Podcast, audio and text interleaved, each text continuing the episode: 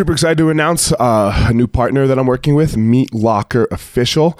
They are a meat company. They ship um, all kinds of meat. Go check out their white web website, meatlocker.com. It's uh, it's amazing, man. Let me tell you, the bacon.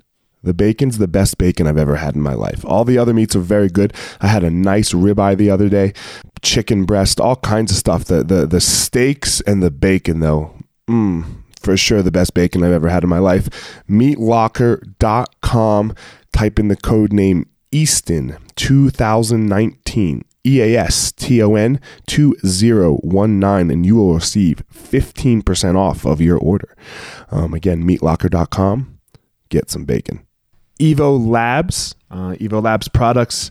Um, man, I love a couple of Evo Labs products that I like to use. I like to use their uh, skin repair and intensive salve. Man, the skin repair is amazing for when I get like these little abrasions on my skin and we uh, and you know you you're always worried about like whether you're going to get an infection or not or how it's going to heal. Skin repair evo labs skin repair. Go check them out evolabs.com and then two their intensive salve okay? Again this is for like a little bit of soreness after i train at the end of the day. Rub it all over um, like especially like my upper back and my arms then my legs.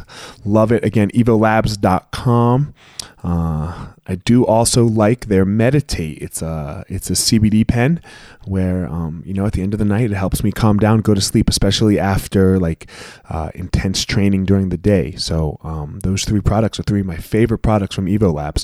One the the skin repair, two the intense salve, and three the CBD pen. The Gospel Fire also brought to you by Onnit, O N N I T.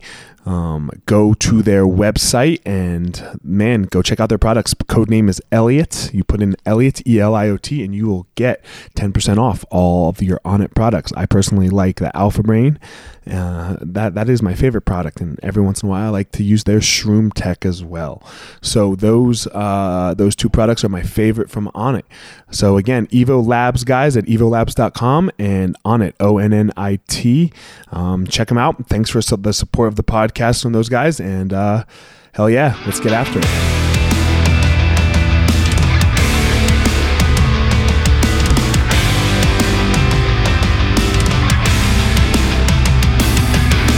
Hey guys, this is former UFC fighter Elliot Marshall, and this is the Gospel of Fire, where we're going to go through the fire to learn how to live the best life possible. For another episode, Gospel of Fire, with uh, with a pioneer of the game. He changed the game a little bit. My man, Mike Dolce. What's up, homie? What's up, Elliot? Good to catch up, brother. How you doing, man?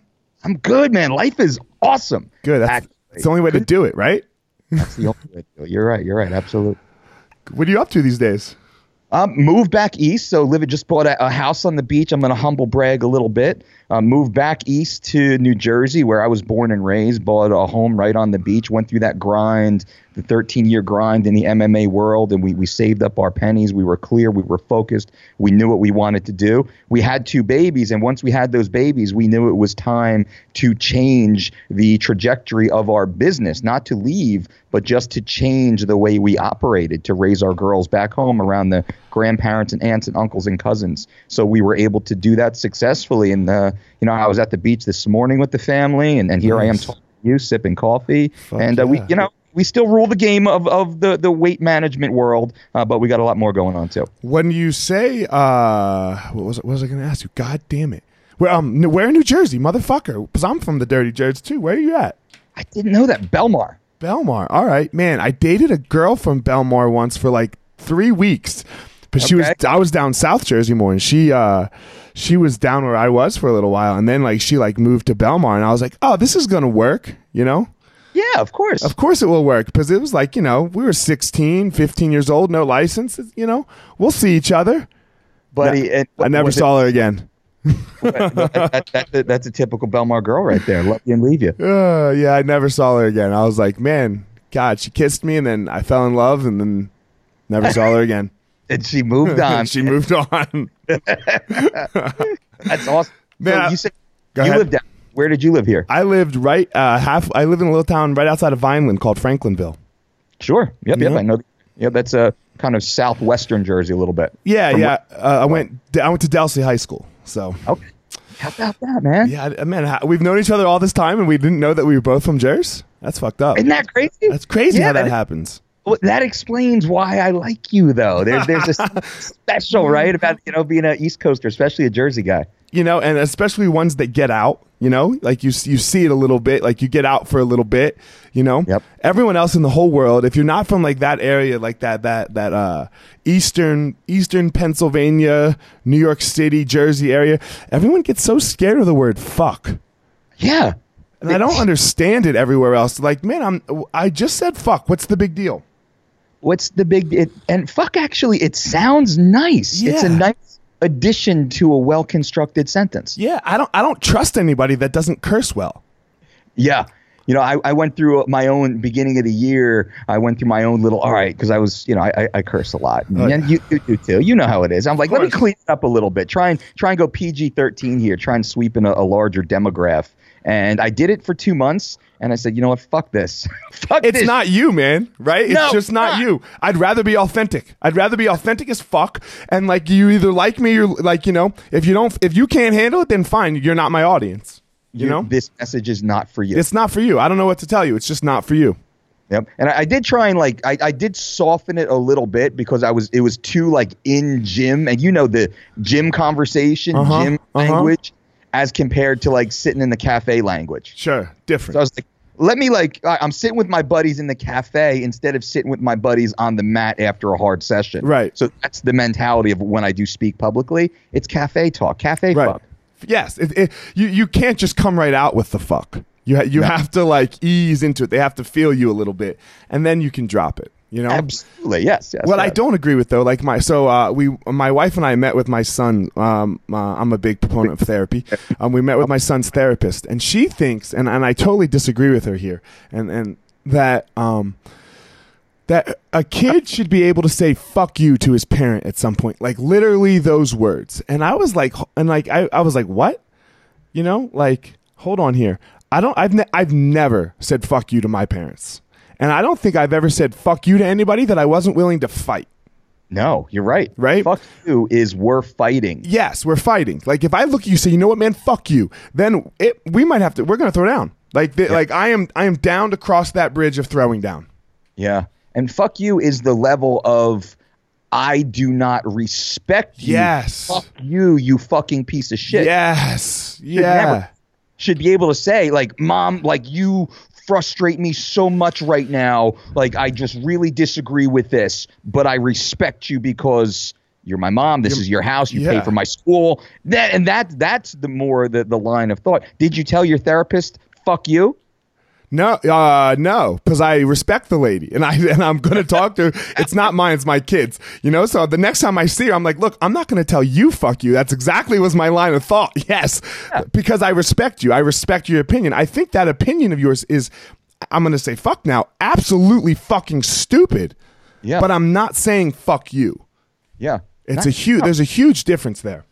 And we should be teaching our children that there's boundaries, there's etiquette, there's decorum. Even Yeah. in my mind, I might be saying "fuck you," but that's like I'm not going to whip my dick out because I got to in public. Yeah. there's decorum here, right? I Yeah. can piss in bushes just fine. I'm going to walk another, you know, half mile and Uh-huh. use the restroom. That's a great fucking point. You have to. Know, you have to know your audience. You have to know where you are. Yep. Right. There's and there's- like it, this yeah. is society, man. Come on, like we got some rules of engagement here. Uh, that's the biggest problem right now is no one no one understand like our rules are all fucked up. They are. Right? Fuck, our so- rules are all fucked up. The things that the things that one we can say to people and two that people get offended by. It's like on both ends of the goddamn spectrum right? It's you're just like no one no one's playing with the same rules. No, and that's that's bullshit. And it's what is allowed to be said is is mind blowing, but what gets banned or restricted from the public conversation makes no sense. And I'm very much, you know, I'm, I'm apolitical. Let's say I'm I'm a health and fitness dude, and and whatever that means. So I don't get involved in the left and right. Free speech advocate. Everybody should be able to talk. And then once we hear what the fuck these idiots have to say, we should be able to ostracize them from our um, from a, a a sphere of influence over our lives. You don't agree with the red guy or, or the, the blue guy? then just don't listen to the motherfucker anymore. Don't tell them to shut up. Don't ban them from speaking at public campuses or don't, you know, kick them out of going to a fucking Chick-fil-A or whatever the conversation is. Yeah. They can say fuck they want to say, but if they're an idiot, then we all know they're a fucking idiot and no one's going to pay attention to them anyway. Now I That- do I do agree with no preaching hate. Like you can't go around saying you're going to kill people. No, that's de- that's inciting violence. Right. Yes, you cannot incite violence. Exactly. Agree. But if you want to go around talking about like uh, I don't know, like the sun's not going to come up tomorrow, have the fuck at it, man. Have the fuck at it. You know, go ahead, see how far that gets you. Yeah, and it's like the flat earthers Yeah. or keto advocates. they're all fucking idiots. they, they're, they're all bullshit. I'm gonna obviously I'm, I'm having a little fun here. Yeah. I, I mean, I want them thrown in jail or banned from fucking Twitter because they're not eating carbs anymore. Right? They be able to spout their bullshit. I yeah, you ha- yeah, go ahead. Uh, if you're not hurting anybody, you know, if you're not screaming hate talk, you know, like if you're not saying go kill the blacks and the Jews and the gays, then man, you know, or, or the white guy, whoever, like you know, the, Yeah. the the two bald white guys on the phone right now. Well, I guess I'm half white. You know, the two Yeah. bald guys. You know, um, if you're not saying that, then man, go ahead, go ahead, say whatever the fuck you want. But at some point, we as like a society have to say, um, yeah, that's bullshit, and we're we're having real hard times right now calling bullshit on people. I think it's because everyone's scared to speak up because we see how aggressive the opposition is with the expression of free speech. So you see, you know, how people are attacked for expressing their opinion, which might be contrary to the ruling power at that time. And when I say ruling power, I don't mean the Trump White House ruling power. I mean the ruling power on the medium with which you're expressing yourself. The rule there's a ruling power on Twitter, a ruling power on Reddit, a ruling Right, power right, right. on YouTube, and they're all a little bit different. So people then they're they're scared to talk for fear of of you know repercussions from the ruling power in that audience. So that's why people are being quiet. But now that they're quiet, it allows that that ruling power to get stronger and just continue to bulldoze the narrative. And that's where things get scary. And this goes back to our right to free speech and what the nation was founded on. And by the way, I will virtue signal here. I am also not a full fledged white guy. I am, am Native American. I'm Chickasaw Indian. Fuck yeah. Fuck yeah. So two so two half two two fucking mulattoes. Just Mulattoes. two mixed up mother bald motherfucking bald guys. And how much more American is that, right? You know, it's the my most American thing. Father was my grandparents on my dad's side. They they actually went through Ellis Island from Italy. My father was born in the United States. His older siblings were born in Italy. So he's a, a firstborn American and then, you know, met my mom who who her dad grew up on an Indian reservation and her mom came over from Scotland.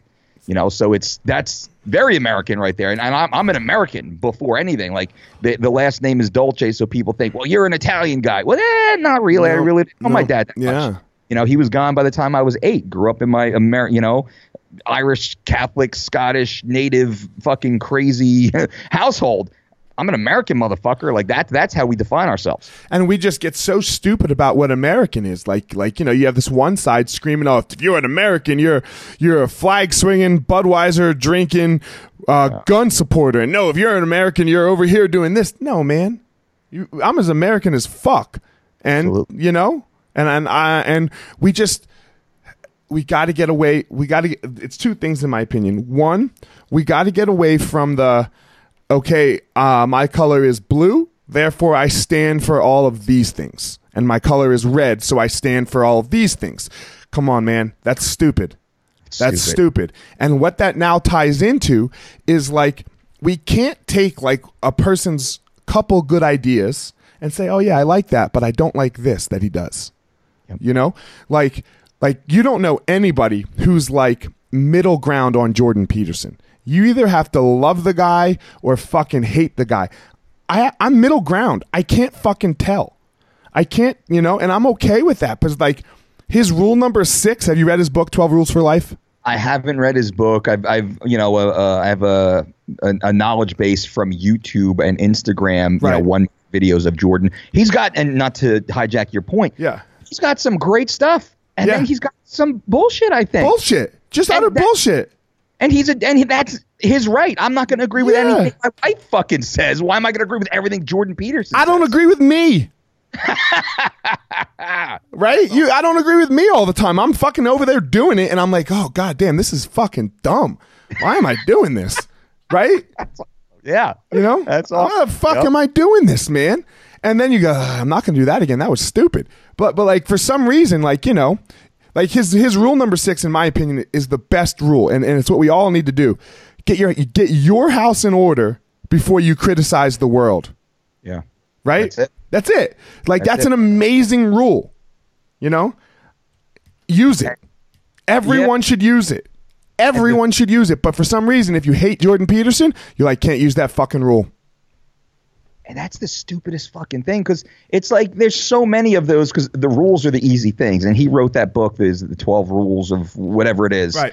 I forget the name of the book, but that's an I'm an author. I'm, I'm in that that genre. me too, me right? I too. in the health and fitness world, and it's that people love easy to digest bullet points. I Mm-hmm. want a top 10. I want a, a 1 through 5. I want the three easy ways to firm your belly. That's that is the clickable bait. That's the way things work.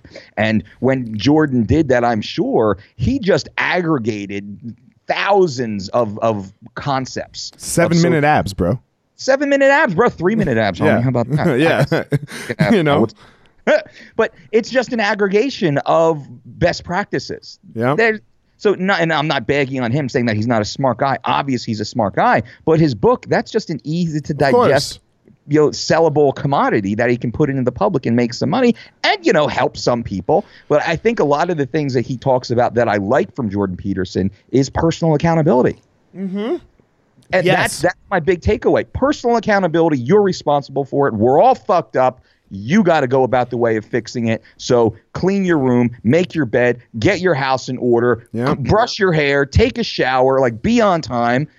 How can you get mad at that shit? And then when he goes in and gets into the whole pronoun thing, you can actually I, I listen to those arguments and you understand the points. I'm not going to state my own per you know philosophy here because I don't think anyone cares what a nutrition guy thinks about that shit. We're not smart enough. We don't we don't have we don't have like the the, uh, the ten letters behind our name.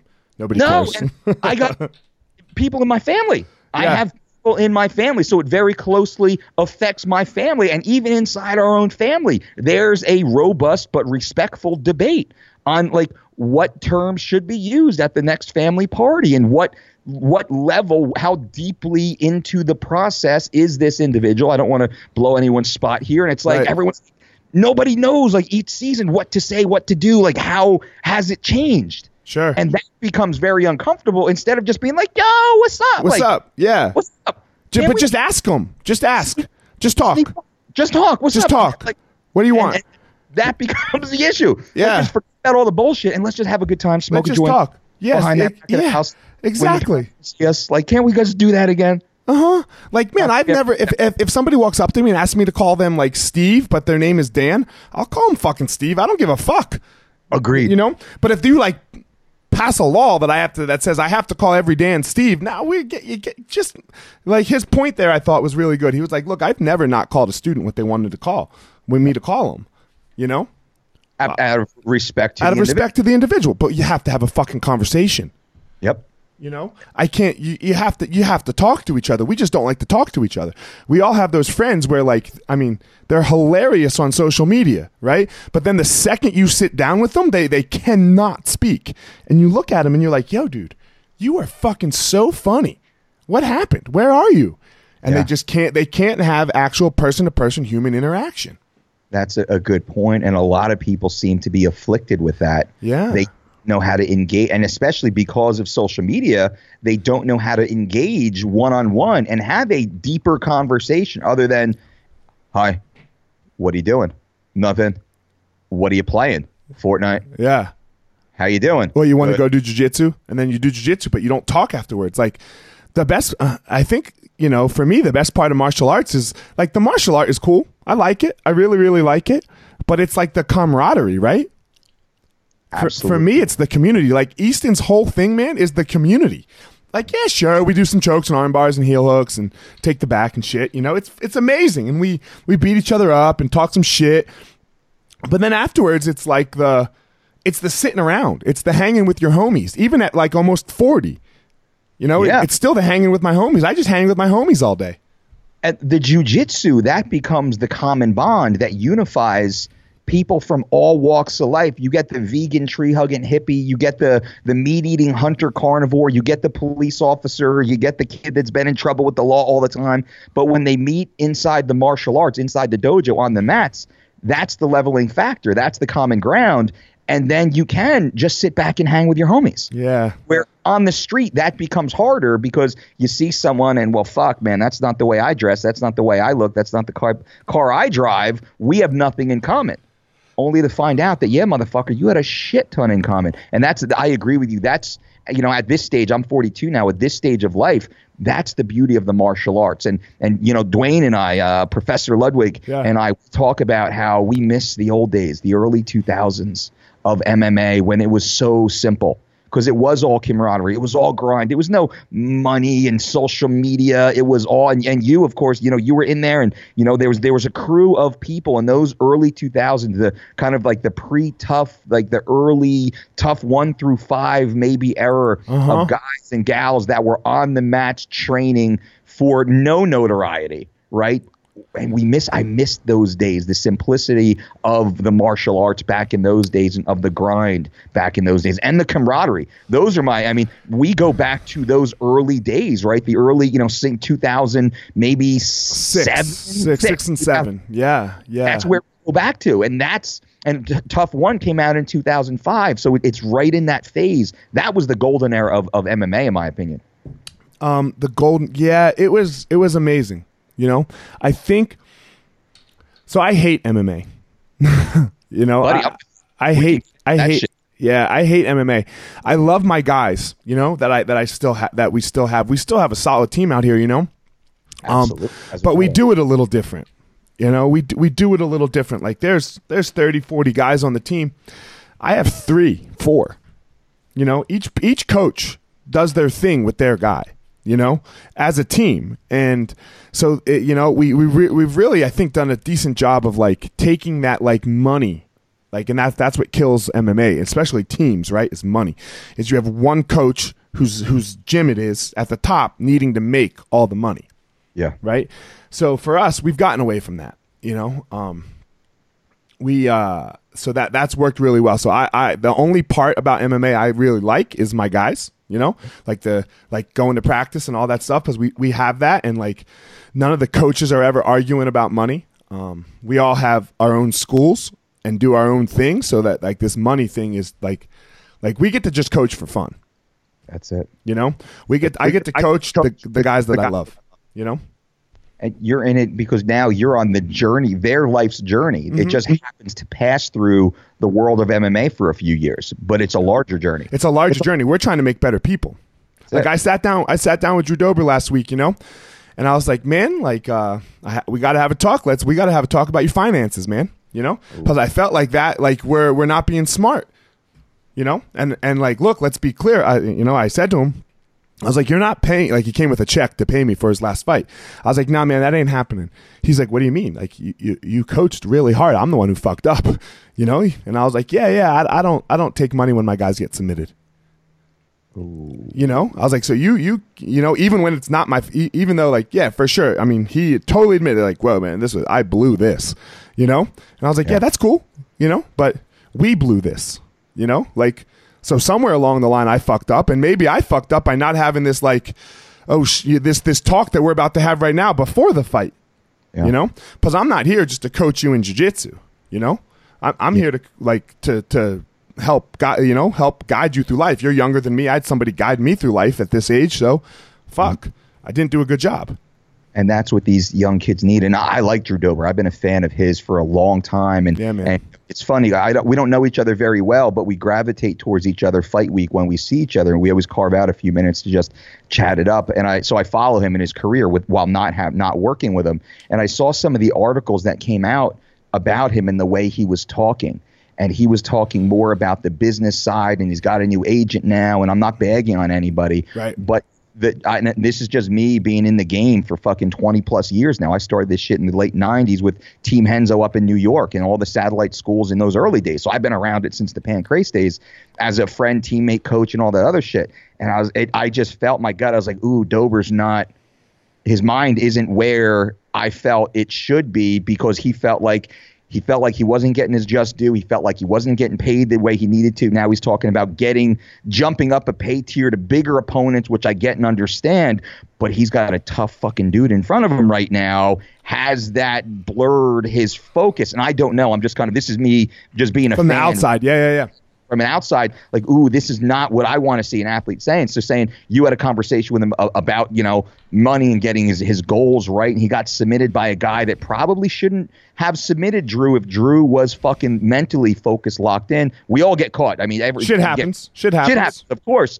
But per per percent, and he's working with you and, and your team and all that stuff. So that's just kind of me saying, fuck.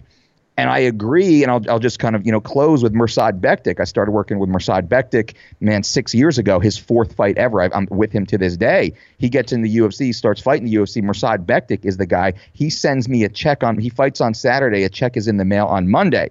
I send the check back to him. Now I charge. Everybody has to pay me. He sent a check to me, then I cut him a check for my business right back to him with the caveat that he has to put this into a Roth IRA for himself. Oh yeah, that's the talk. That's the talk we had. I was like, look, man, I need you to go read this book, okay, and then you need to set this up. That's it, brother. And that's Yep. that's what's different about guys like you, guys like me. We're looking out for these young men because we know the career ends. and then and then what? And then what? Because for get- for me, man, like like when we when we when we break down the nuts and bolts of it, fuck, dude. I was walking through a mall, through a mall in Boulder, Colorado, when I met Amal. oh wow. I just happened to be there, and he happened to be there. Yep. And then look, it, it it provided the opportunity for me to work really, really hard. Yep. You know, I it provided the opportunity for me to work really hard, but I had nothing to do with that. You know, I just my my buddies were like, "Hey, let's go to the mall." you know, ah, sure, let's go to the fucking mall. Yeah, You know, so and and then the person that Amal is, I just did a podcast with Amal. My last podcast that came out was called Amal. We have we have this verb, man. It's called a mauling, and um, I created it. I'm a I'm a I'm a language creator. I, I see that. I like that. you know Yeah. and uh, he just he just has this way about him where he creates opportunity for people Yeah. you know he creates massive opportunity for people. And um so like i didn't have anything to do with with that. Like uh, sure i was ready to hear the message and yada yada. And then and then look i'm not i'm not trying to discredit my really really really hard work or anybody's really really really hard work. But there's this aspect of luck that's in there you know there's this aspect of like fate if you want to call it or Yeah. some people like to call say it's god you know i'm not a religious person. Some people like to say god's in control. Whatever you want to call that thing we we don't really have much to do with that thing. So like our job in my opinion is to sprinkle that luck dust on other people you know? So that that's my job in the world. Just go out there and sprinkle the dust on as many people as I can. And, and and you know what? Most people it doesn't work for. You know, most people don't. Maybe I could have done the message better. Maybe this or maybe that. So I'll try again. And you just sprinkle. You know, you just you just keep sprinkling dust. And you know, and if it, and sometimes it ca- sometimes that dust turns into gold. The problem with opportunity is it's dressed in overalls and looks like work. Yeah. That's paraphrasing a quote from someone smarter than I, but that's the truth. And I remember I read that when I was a teenager, late teenager, and it struck me. It's work. And what you're saying, Amal was there, the opportunity was there, but had you not put on the overalls and went about the task of fucking working, bleeding and sweating tirelessly and many days thanklessly, you wouldn't have achieved the success you've achieved. And now you're able to share those opportunities with those that you can influence around you. And that's it's rare it. that people actually see it and take advantage of it, man. No matter how much you scream and I scream and and people try and scream to get, you know, those junior members of the community to to see this and take advantage. And when I say junior, I don't mean by age, just by experience or by their level.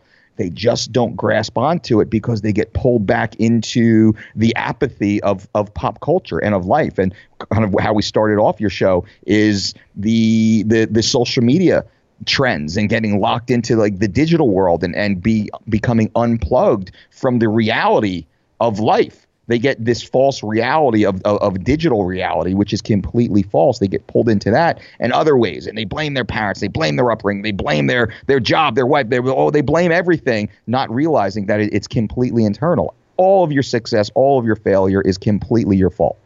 Yes, I don't like to take credit for my success. It keeps that that puts me in a bad place. It doesn't keep me humble. I like I like uh, I like to like uh, yeah, but my failures are always my fault. Even when I don't even do it, you know? Even when it's not like, even when like, God, what was it? We, we, oh, I know what it was yesterday. We were like, we had this situation where we let like somebody else handle, a, you know, uh, we have a CEO of Easton, Mike, you know, Mike's the man. Um, and Mike and I were talking about a situation and we just like, we, we, did, we let someone else handle it. And we were like, yeah, yeah, they fucking got it, you know? And it wasn't a big situation. It was really nothing, and then it turned into something, you know. And it wasn't. It wasn't even like my failure, but it, it was the it was the non-action. It was like the I fucking know better, right? I know better than to let that person handle it, you know. Yeah. Because now now now look at the fucking mess we got. Yeah. Right? Now look at the fucking mess we got. Rather than like walk through with that person how they're going to handle it so we can we can do that better, you know? like just so that the next time that a situation like this comes up for me and my company, you know, we like I don't have now now I'm stuck doing some bullshit I don't like to do. And like I can get as mad as I want about the person who dropped the ball. Yeah. Right? Now I can you can make a decision whether, you know, if they drop the ball enough, you're gonna fire them or yada yada, you know, obviously. But I always see that as like, goddamn, I didn't I didn't spread that message right. You know? I didn't spread that message right and oh, now, it, like, look, if I if I change my message and they don't alter, sure, they're gonna get fucking fired, you know. But I haven't had that. We haven't had that too much. I have to say, you know, we really haven't. And everyone, like, man, trust me, my company is filled with millennials, filled with it. It's all that. It's like I think Amal, Amal and I are the oldest guys, and then everyone else is a goddamn millennial. Mm, Valor's not a millennial; he's a little older than me. Um, but it's it's three dudes that aren't millennials and then millennials and they yeah. crush it for us bro they fucking crush it because they understand what the purpose of easton is you know That's, and that comes from the top down that, from the leadership yep you know and if you like i'm about to uh we're we're releasing i'm, I'm making a digital course on how to like run your we call them you know we don't even call them front desk employees because i don't we don't like that term you know um because a front desk person, like I don't know, that's just a job that you like go do sometimes, right? Sure. Like, like, but that's not what we do. I don't. I don't like people quitting. Like that's not my thing. You know, that's not our thing. Like we want you to go from the front desk to the GM somehow. Yeah, I you know, it. like that's what we want. So we're we're creating this front desk. You know, well, I'll call it front desk because that's what everyone understands. But we call them first impression. You know, because that's what it is. You're the first. Like every single person that that that comes into the school the first people they talk to is a front desk employee. So yeah. how in the world can that be a shitty employee? Yep. Right? How in the world can that be a shitty employee? You know? Yeah. If you walk, have- if you walk, there's like the the best restaurant in the world. What's your favorite restaurant? Oh, my kitchen. Okay, a restaurant though. Yeah, okay. Uh, when you walk into your kitchen, right? Yep. And let's say your kitchen, you know, is a fucking mess right? Like you, oh. let's just say, let's just say you walk in, somebody else, you, you went away for a month, right? You come back, you let your buddy stay in your kitchen, and you are so stoked to fucking cook a meal. If that kitchen's a mess, you can't cook a meal.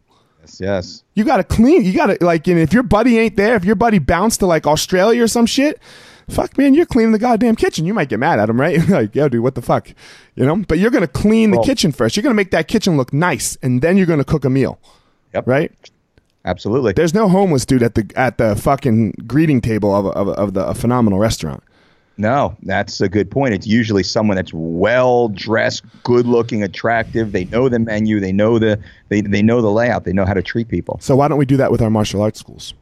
That is true. That is true. And usually you see a lot of gyms, we'll just say martial Yeah. arts schools or fitness centers, they do just have that minimum wage employee that's just there trying to squeak out their 24 and a half hours a week. Yep. Right. They got other things to do. They're probably half high. You know, they're just waiting to go to their other job, washing cars or, you know, whatever it is. And they're they're not in. They're not a part of the culture. They're not And a part of the culture. You're dead on, man. That person has to embody the culture. because the culture's hard, man. Right? This culture's hard. You're gonna come in here and you we're gonna you're, I'm gonna get beat up. Yep. People are gonna punch and kick me, and I'm gonna get all sweaty. And it's the the, the moves are actually very difficult to do. Right? Even if you're just coming in for a kickboxing class, all on the bag, it's still it's not easy. Yeah, absolutely. You know, it's not easy and it's super intimidating because you walk in, like when you walk in the school, man, there's fucking like Alistair Overeem and Curtis Blaydes and Neil Magny, and you're like, whoa, whoa, what the fuck did I? And you know, and there's pictures on the wall of Shane Carwin breaking someone's face, right? Or, or you know, whatever school you're walking into. Yeah. You know, like there, but this is every school just about, and there's you see dudes and girls sweating and their gis are all over the place, like whatever it is, it's fucking intimidating. Yep. So how do what how do we how do we get that person in the door? Because we know what it does for the human soul, right? Absolutely. I'm not that tough. I'm a fucking pussy, and look what it did for me. Well, I, I, I would I would disagree with that, but okay, okay, I, I see your point. You know, you can ch- you can change a person's life, even if they don't fight in the UFC. You know, they don't need to fight in the UFC. You can change their life.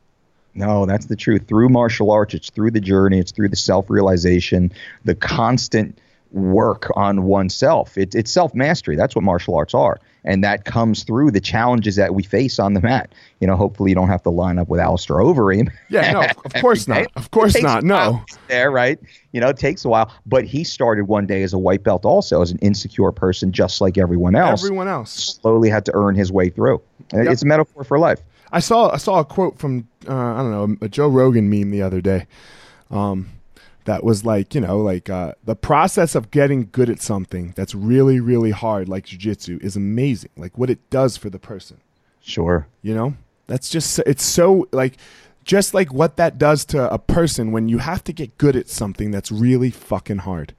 Yeah. You know, like it sucks, man. But at the end of the suck is is beauty. You know? Yeah, and it it and it shouldn't be available to those who don't go through the suck. Yeah. because it, it's diluted and it wouldn't be worthwhile, right? Because if anyone could have it or attain it, well, who fucking cares? It's not that special. Yeah.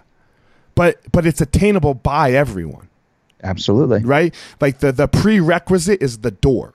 And that's it. like like the only barrier of entry is the door. Everyone come on. Come on the train, you know? Yep. Come on the train. Like you you can sit in the front, the back, the middle, it don't fucking matter. But if you keep coming on the train wherever you're sitting, you're going to go on the ride of your life. You know, you're going to Yeah. go on the ride of your life. And, and nothing else matters. Your money, your car, your your your the, the the beauty or the beauty of your wife, how great your kid. It doesn't matter. The mat is all that tells the truth. Yep.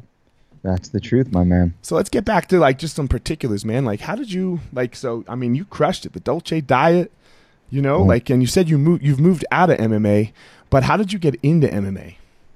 So MMA, I, I started, you know, let's go back. It's funny because I, I just came back from Missouri to see my old high school wrestling coach, and, and in many ways, he got me, he helped shape me. And you know, he is, he said because years later, 2008, I was on the Ultimate Fighter season seven as a contestant, and he just one of his buddy calls and he said, do you see what Dolce's doing? And he's like, no, because we lost track. I graduated high school in 94. Now it's 2008, 14 years later. He turns on the TV and he sees me out there fighting. And he's like, fuck, I failed this kid. I failed this kid. I was trying to teach him how to be a man and how to go through life. And now he has to go out there and he has to go and bleed just to make a living. And because he's, he's not a, a he's more of a purist. He's a wrestling fan, old school wrestling fan, and a boxing fan, but not much boxing like 80s boxing, early 90s boxing, and then when boxing kind of died in many ways, he he he left it. And this is you know his own words. So then he sees me out there fighting. He's like, "Fuck! Like what did I do?" And then you know years later, he's watching uh, one of Kevin Kevin James's TV shows, and Kevin James walks out and he's wearing a Dolce Diet T-shirt, and he's like, "What the fuck?" so then he goes, he like Googles me, and he's like, "Holy shit!" Like it worked out for this kid. Like, what the fuck happened? So I, I, I, sit down and you know, and we're having this conversation. So it goes back um, high school wrestling, right? I was a four-year varsity wrestler um, in high school, from you know freshman all the way through senior. And as a freshman, I was actually made, um, voted on to be captain. So that's very rare in that world. And that was only because I led it. I was the fittest guy on the team. I was one of the strongest, and I was one of the smallest. I started at 125 but I was in better shape than anyone. I knew more than everyone because when I was eight years old, I saw my father have a massive stroke and heart attack, was taken from the house. I became the man of the house. I grew up in abject poverty. We had no heat, no electricity, no running so you water. Wa- you watched that for your dad. I watched it. I, wa- I home from school and he's laying on my back deck, puke all over him. My mom's running from the garden up the stairs to call 911. Ambulance. My neighbor was a, thank God, my neighbor was a policeman. He's the first one on the scene, tried to stabilize him. And it was just, it was, and I just remember a whirlwind of sirens and faces. And, and then I'm bouncing homes, living with aunts and uncles because they're trying to get everything settled. And it was just chaos. So I grew up like for you know six months to a year in hospitals watching my father just slowly fade away. Massive stroke heart attack he succumbed to the heart attack after the stroke yada yada. And my mom single mom stay at home mom she was now forced to work. She's cleaning houses. She's you know working you know three four menial like sub minimum wage jobs just to try and keep things going and me at eight years old, I'm completely left on my own in many ways, the man of the house, if you will. Where there's, you know, we had a fireplace in the house, thank God. and bitter cold Northeast winters, there's no heat in the house, and I used to go and, and like rummage and, and salvage around the neighborhood looking for wood and pallets that I would drag home just to keep like the fire going at night so we had a little bit of heat. So I grew up with a work ethic, with a desire to be warm and to have food on my table and to succeed. Now I believe and this is my my armchair Freud because lost my father at an early age, I was looking for father figures and I found strength sports combat sports. I was enamored with, just like many kids, Arnold Schwarzenegger and the Van Dammes and the Sly Stallones. And, and that was the, thank God, that was like the rage of the action hero movie genre at that age. I was infatuated with getting bigger and stronger because that would be my salvation. If I could get big and strong, then I would be a tough badass. I would I would live the life that I wanted to, eight, nine, ten years old. I was enamored with it. Now I was working in earnest. I, I, I, got a job working on a. I live on on the beach, and we have a, a robust marina, charter fishing boats. So at eight years old, I needed money. I went. Hold up on, the, let's back up for a second. Let's, let's let's clear something up. When you say you live on the beach, you live on the beach of Belmar, New Jersey. This isn't yeah. like the beach of Santa Monica, California. No, Okay. No, this this is a Bruce Springsteen song. At oh, that yeah, time, okay, per, yeah, we just got to clear that up. Everyone's like, man, that don't sound terrible. You're in Santa Monica. Uh, you're, you're, on the beach, baby. No, uh-uh. no, it's not Santa uh-uh. Monica is a blue collar run down town. Yes. Um, half the town is is like summer rentals and and the homes are just literally boarded up. But, it yes. was a beach town, but it had seen better days and it was a dying community. It, it really was. There's like most cars are like beat up pickup trucks. It was very blue collar, um, handyman construction. It was laborers. It was There's a blue- beach there. There's a beach There's there. A beach there. And but we're right downtown on the beach. That, everyone's not driving down down the street in their Beamer though. No, no, yeah. we survived only because of the summer influx. All the right. the Bennies, the New Yorkers, people would come down for the summer. They would mob and destroy our town, and we'd be able to make money off of that. And like that everyone thinks the Jersey Shore is like the TV show. No, those people are from New York.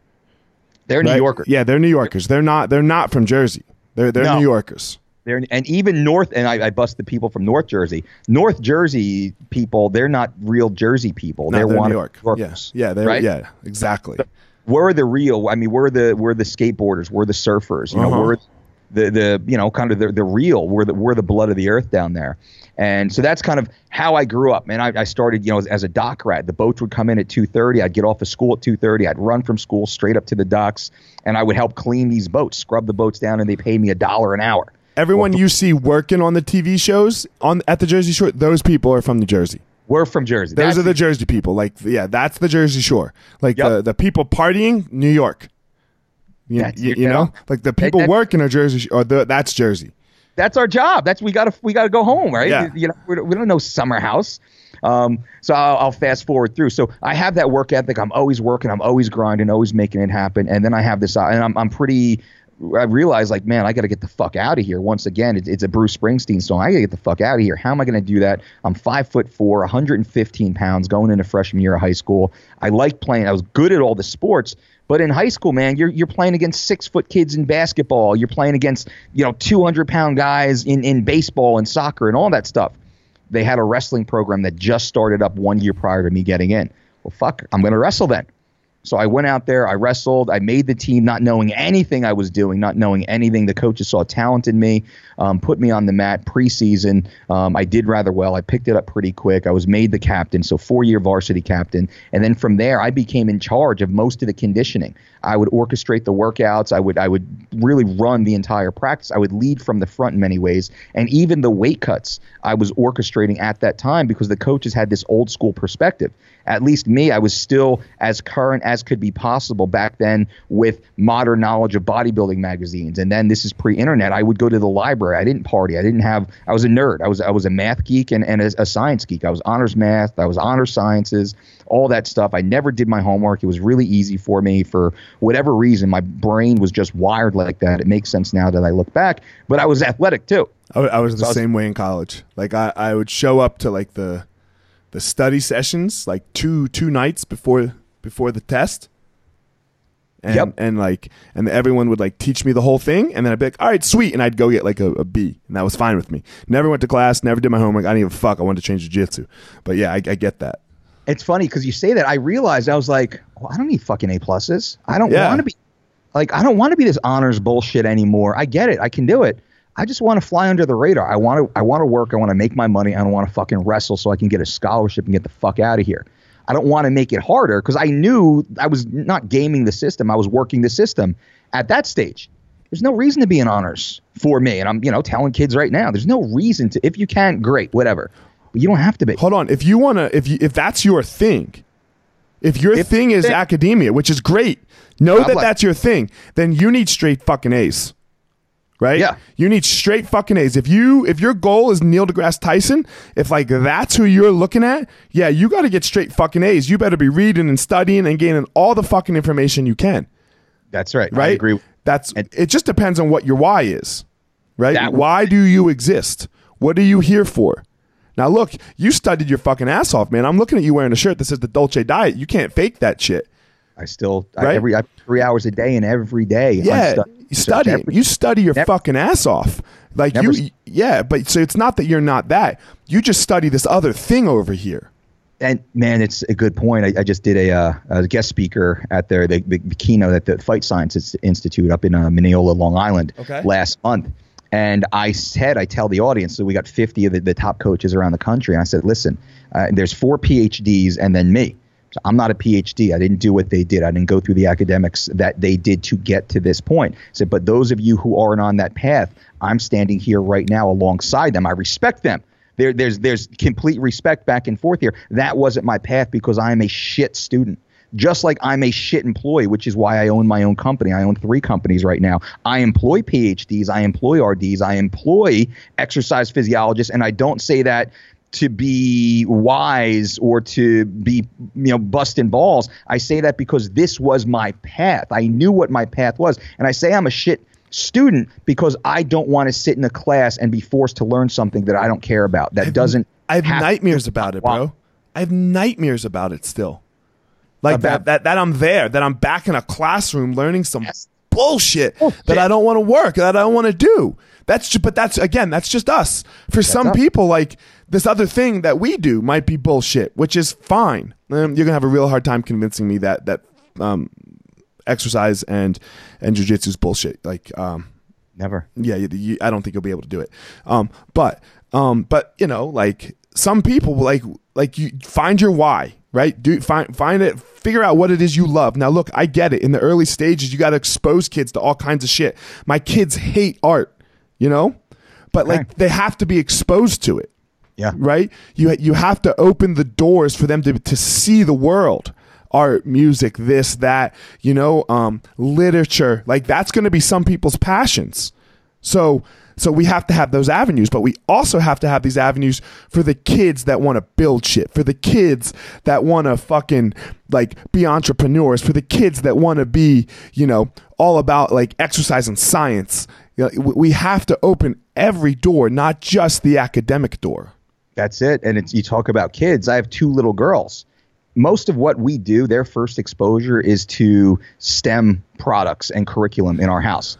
The science, technology, engineering, mathematics. That's what we expose them to at a very early age. We expose them to languages that my wife and I don't have. We expose them to art. I mean, How old are your kids? Four years old. The oldest is four. The youngest is two. Okay. Okay. We're and since they were born, we put them on that. Here's here's a kazoo. Here's a harmonica. Here's drums. Here's a piano. Um, here's you know art. Here's finger painting. Here's music. Here's you know here's Bach. Here's Vivaldi. Um, here's um, you know Alanis Morissette or just whatever it is. Constantly exposing them to that. And and here's gymnastics and here's karate and soon we'll get them into a, a, a jiu-jitsu program over at you know Nick Catone's. I, I think you know Nick. He's Uh-huh, the uh-huh, closest most reputable um, uh, team in the area that will get him to um, get them to. So it's giving them this massive exposure at this age and then slowly as their minds form as, as they kind of find their proclivity of what they enjoy then they'll start going down those tracks now i didn't quite have that. My mom was too busy just trying to keep us alive right? And i, I stumbled fortunately into my world of, of fitness and strength and i was able to use an entrepreneurial mindset that you know nature or nurture I was forced into just by trying to keep the heat on and keep food on my table. And I was able to grow in this direction. But I think you know me I'm, I'm utterly passionate about it. It's all I think about really is is this health, fitness, diet, nutrition, you know, sports performance, longevity. This is when people are going down the YouTube rabbit hole. That's what I do. I don't have Fortnite. I don't have games and apps. I don't do any of that. yeah.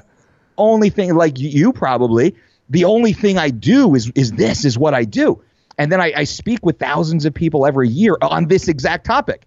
So my whole world is about this, just trying to help people get better. And then to, to kind of close the loop. So I go through wrestling, I blow out my shoulder, I lose my scholarship, I can't compete, I take a year off, I stumble into a Renzo Gracie Jiu-Jitsu school.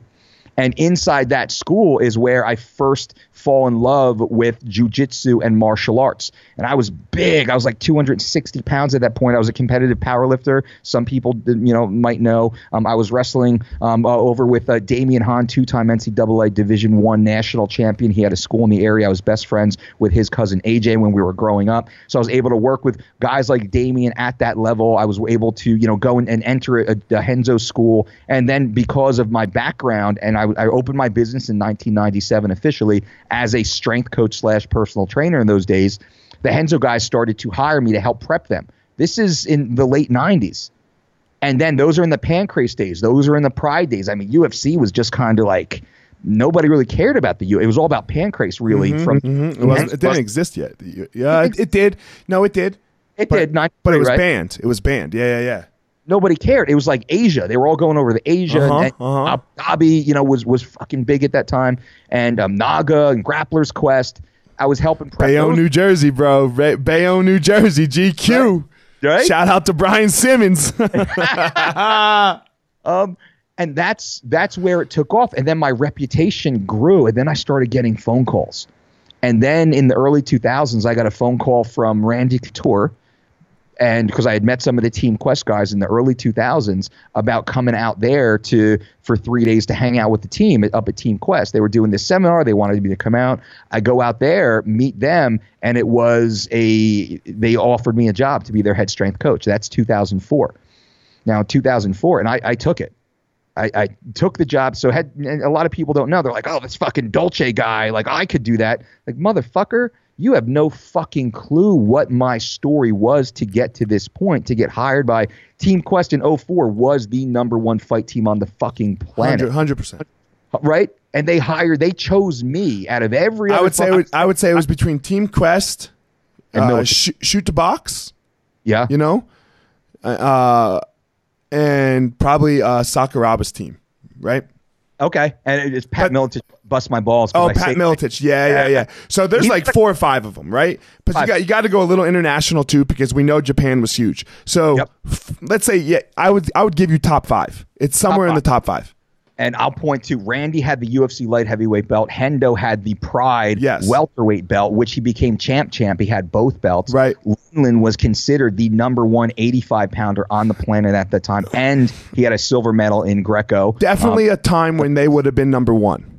That's that's the time, Yes. and it was it was at that time. That's when they chose me. That's when they hired me. And then from 04 to 09, I was the head strength coach at Team Quest North during their glory days, their best days. This is pre TUF one when they brought me in, and all through the Ultimate Fighter one and multiple years forward um, that I was a part of that. And then you know 2008 i was uh, because i had to fight to make money. There's no money as a strength coach and that's a whole nother story that we won't get into how I, I got dicked on the money and i became the gym janitor. So for those of you who you know want to talk about opportunity they they, they were going to hire me to a salary of 32k a year to be the head strength coach of the team. I get there they say yep oops we don't have that salary but we got a job at the gym for you four hours a day eight dollars an hour. You can quote open the gym 5 a.m to 9 a.m i clean the dirtiest fucking gym on the planet so $32 per day before taxes. I was the gym janitor, 5 to 9 a.m., 9 a.m. to 9 p.m. I coached 40 of the world's greatest athletes for free. That's how I got my start. So how did you start? That's how I got my start. I don't know any most motherfuckers, probably you, probably Ludwig, would be willing to apply their passion for free for so long in order to help change the lives of these athletes that I knew I could do. But also, I saw the big picture with my entrepreneurial mind, knowing I was growing something here. I was creating a niche here that had never been done. There was like a Billy Rush before me, but Billy had a terrible reputation, and we won't get into all that stuff. He was a little bit of a name over on the Miletich side. Then he disappeared, where our system continued to go on and grow. Then Rampage hired me as his strength coach because we met on The Ultimate Fighter um, that season seven. I mean, he hired me day one, the first day he met me, to be his head strength coach while he was my coach on the show. And then from there, I just continued to grow. Then moved out to, to Vegas in, in 2010, was hired by the UFC to create UFC Fit, which became an international phenomenon as the Dolce diet thing began to grow. And, you know, I'll, I'll kind of bore you guys maybe with all the, the, the different, you know, things that we've done since then. But that was the start, man. Very humble beginnings. And it was always about that blue collar, hard work, East Coast mentality as we continue to grow and scale forward. You know what I think about a lot though, bro, and it drives me insane. What's that? Like like your story, right? Dad die, you know, single mom. Like it's almost the formula sometimes for great success. Yeah. But but we know as far as like the percentages, it leads to just abject failure. yeah. Yeah. Like so you're like, goddamn, how could I how could I how could I make my kid probably the most successful? You know? like if he's gonna reach the biggest heights, well, I gotta die. Or my wife does. You know? On his shoulder. But Yep. but but then the, like the likelihood that that happens, that they that they reach the highest success, it's like two percent of like kids whose parents die. You know, so like we we know that ninety eight percent is going to be shit show, right? Right, absolute shit show, welfare, fucking just just continuing continuing on the lines of poverty, right? But we know that there's this two percent of greatness. Like I don't know if I'd be willing to take that chance with my kid. no, they Right? need yeah, of course they do. But do like, that. are they? You know, of course, you know, you never do that. But like, you look at the greats. Like, all of the greats have this, like, you know, like this, this, like, oh my god, that fucking happened to you, or most of the greats. You know, Yeah. Most do have that story. And me, it was in many ways, it still is. I got this fucking chip on my shoulder. Um, I did a, a you know London Real. If, if you know um, Brian Rose, what he's doing over there with his London Real show, man. It, it's it's awesome. You should check it out. He's got amazing guests, amazing. A, he's got like Rogan level guests on his show, and it's a, it's a different format. And he Brian's got a great interview style where he gets people to talk about things so casually that I had never spoken about before. And you know, he was talking about me and all the things, and he's like, "What are you doing, man? Why are you still?"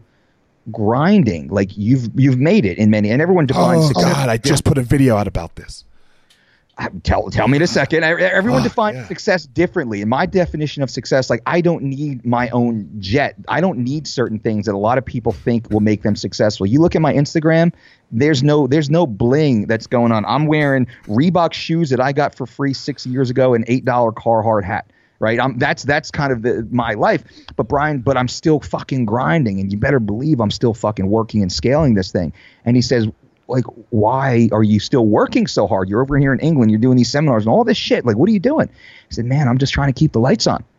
I feel every day like my lights are just about to get shut off. I still have that in my soul that i can't shake. Now I know for a fact that ain't gonna fucking happen, but I still that's the drive because of, of that kind of childhood trauma that drives me now to this day. And in many ways, this health and fitness thing is, is so paramount in my life. I talked to my, my, my wrestling coach about it this weekend in many ways, I'm trying to save my father from dying and save the destructive element it had on the family, which is why I'm so passionate about this health and fitness and diet and lifestyle thing. Why else would I be so passionate about something? There was no money in this shit. Let me tell you. 10, 15, Hold on. There was no money in martial arts. Nothing. And, and I quit. Yeah, Go there ahead. was no money in martial arts 30 years ago. No. You, you could do okay, right? You could do okay, you know, but there was no like money. No real money. It's a side. It's a side. It's a hobby that pays for itself back in the early days. Uh huh. And I was willing, and you were willing to go all in. It and Ludwig too, because we've had these conversations. We weren't doing it for the money. We were doing it because there was a higher purpose. It just so happens entrepreneurial minded guys like us were able to turn a dollar doing it, and we're able to figure out that fucking part of it too. Which to me, the more money I make, only allows me to help more people. I mean, I sponsor for the youth programs out here in my hometown now. I'm, I'm, I'm completely philanthropic and altru- altruistic. My wife and I, we started a nonprofit organization dedicated to eradicating childhood obesity and diabetes that we completely self fund. So there's a lot of things now that we can do because we don't have to worry as much about paying the bills anymore.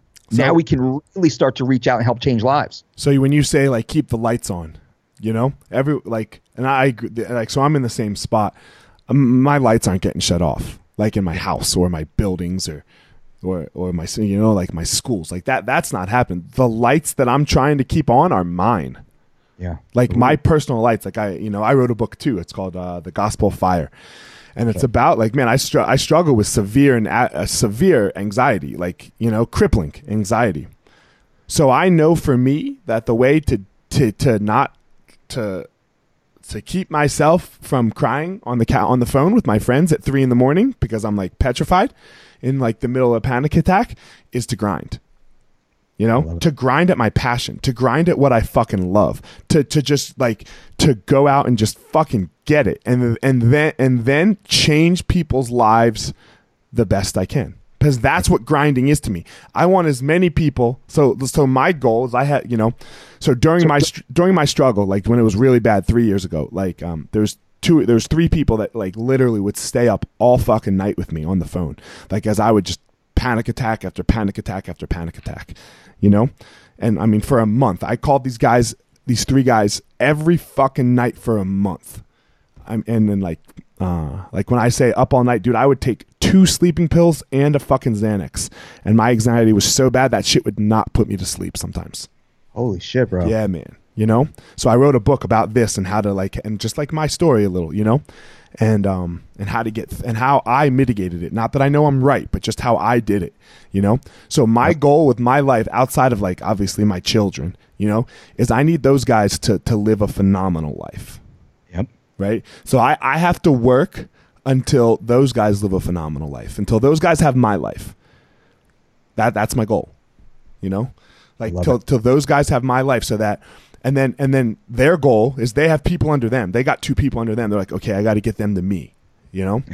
And we just keep we just this is the grind, man. You know, this is the grind. But I fucking love the grind. You know, every day I I, I don't like when I wake up in the morning. Like I fucking meditate and then I get the fuck after it because I fucking love it. You know, and that's I think that's the message is is whatever you're gonna do. I don't give a fuck what you're going to do. I don't think you do either. Man, you know what I don't care about? What? I, I don't care about. I, I, I cannot stay as disciplined as you do with diet. I can't. I love working out. I love working out. I'm not going to study it. I'm, I'm just not, but I love the mat you know so so therefore my diet has to be 70 70% good 75% good and i gotta work out i'm not into diet like you're into diet you're probably not into jiu-jitsu like i'm into jiu-jitsu it's cool man and look me and me and dwayne right dwayne's into kickboxing i'm into jiu-jitsu he's a fucking kickboxing nerd i'm a jiu-jitsu nerd right yep. so it doesn't have to be the exact same you know, you don't have to do it like this guy, but find your fucking grind. Find what it is that you'll be like, oh, you know what? Can't sleep. Let's go to work. Yep You know, and then just do it. Then, then like, who cares that you're not sleeping? Who fucking cares? It doesn't matter. You're fucking, you're getting the fuck after something that you goddamn love. Absolutely, that adds value. Unlike binge watching TV shows or playing video games all night. And I got a lot of buddies that are my age and a little bit older and a little bit younger that they waste their lives away staring at a fucking tube or staring at a flat screen with nothing. And they say, "Oh, I just need to unwind a little bit." Like, guy, that's not fucking true you are wasting your life away because the next time we talk, you're complaining about you got problems with your relationship because you're not aware, you're not you're not in the moment, you, you're not you know you're not thinking about the other person, how this impacts the other people in your household. Your job life kind of sucks because you just don't want to fucking be there, but you're not doing anything in that spare time to become a better employee, a better business owner, or completely change your direction inside um, that sphere, inside that that that work area. You know, you're not trying to become a better uh, a worker or provider. You know, so they have all these other issues, or their health and fitness fucking suffers dramatically. Yeah but they sit there. The average American. It's a mental thing, though, man. It's a it's a it's a mental health thing, in my opinion. Yeah, you know? I agree. It's a mental health thing, and, and the way out is, is is getting after it. And and you know what? Like for everyone that might listen to this podcast, like if if you work for somebody and you hate your job, look, do this. Become so good at that job that that, that the boss can't help but be like, damn, what's that guy doing? Treat yeah. it like it's yours. Treat it like it's yours and then watch the opportunities that that open up. Watch the opportunities. And everyone thinks that they don't open up. Man like you said like what you did i was the fucking janitor of the school. I was the i was the the second janitor of brazilian jiu-jitsu boulder that was owned by amal easton. And now i fucking own brazilian jiu-jitsu boulder. It's called easton training center.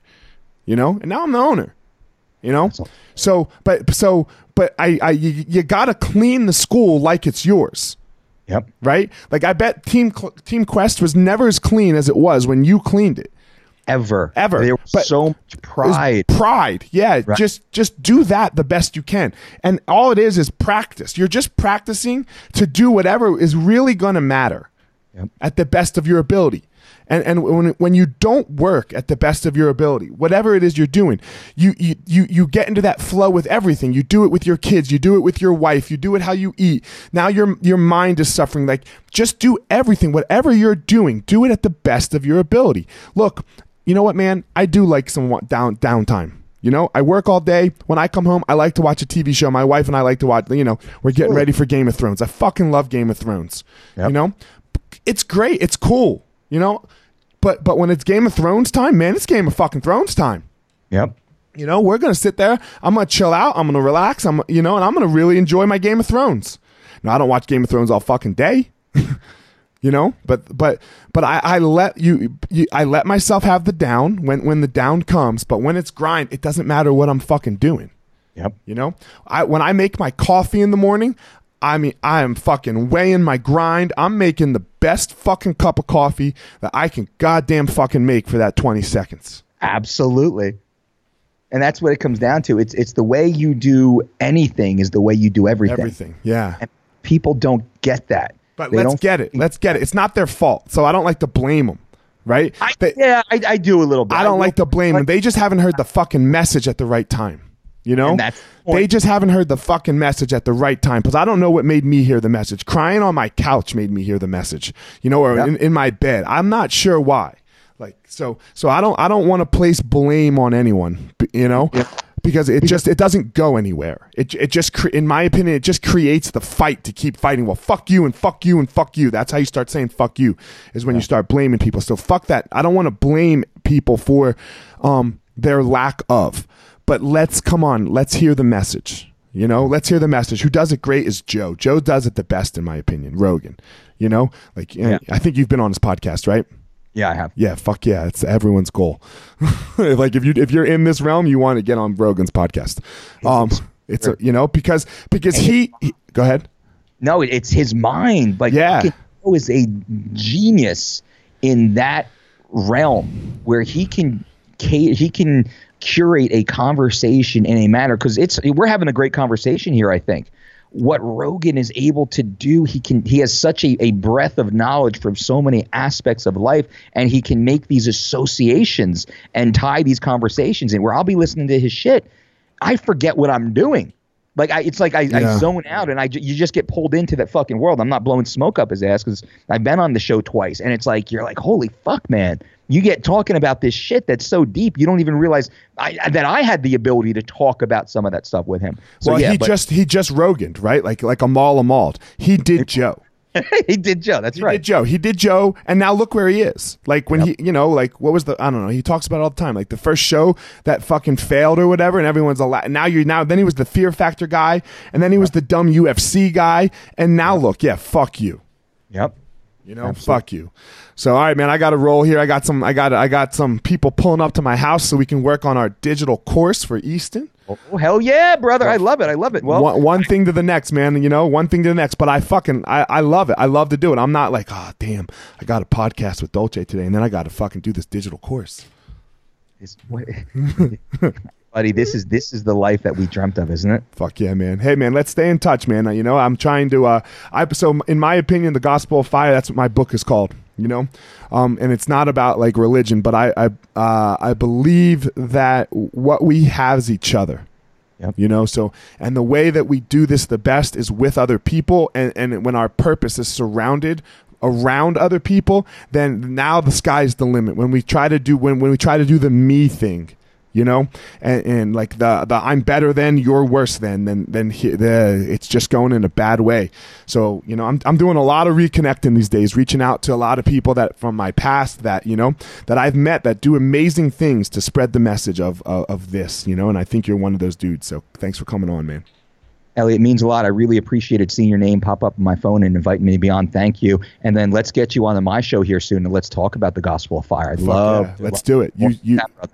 Text text me text me afterwards, and I'll get on your show. Done deal, homie. All right, homie. Thanks a lot, Mike.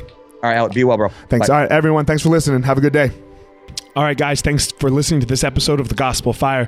Don't forget to check me out on all of my social media at Fire Marshal 205. Again, at Fire Marshal 205. Go to my YouTube channel. Um, Fire Marshal 01, that is for YouTube, where you can follow. I'm, I'm making these videos 100k strong. That's the goal for the year. I want 100,000 strong listeners to the Gospel of Fire. So I'm making, trying to make a video a week so that you guys can follow along on my journey of, of how I go about my day, some things that I talk about, some things that I try to work on for myself.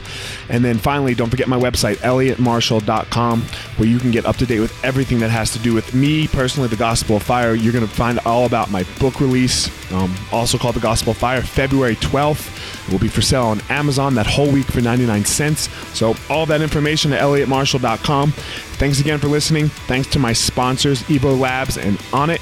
So, uh, that's it, guys. Hope you enjoyed the episode.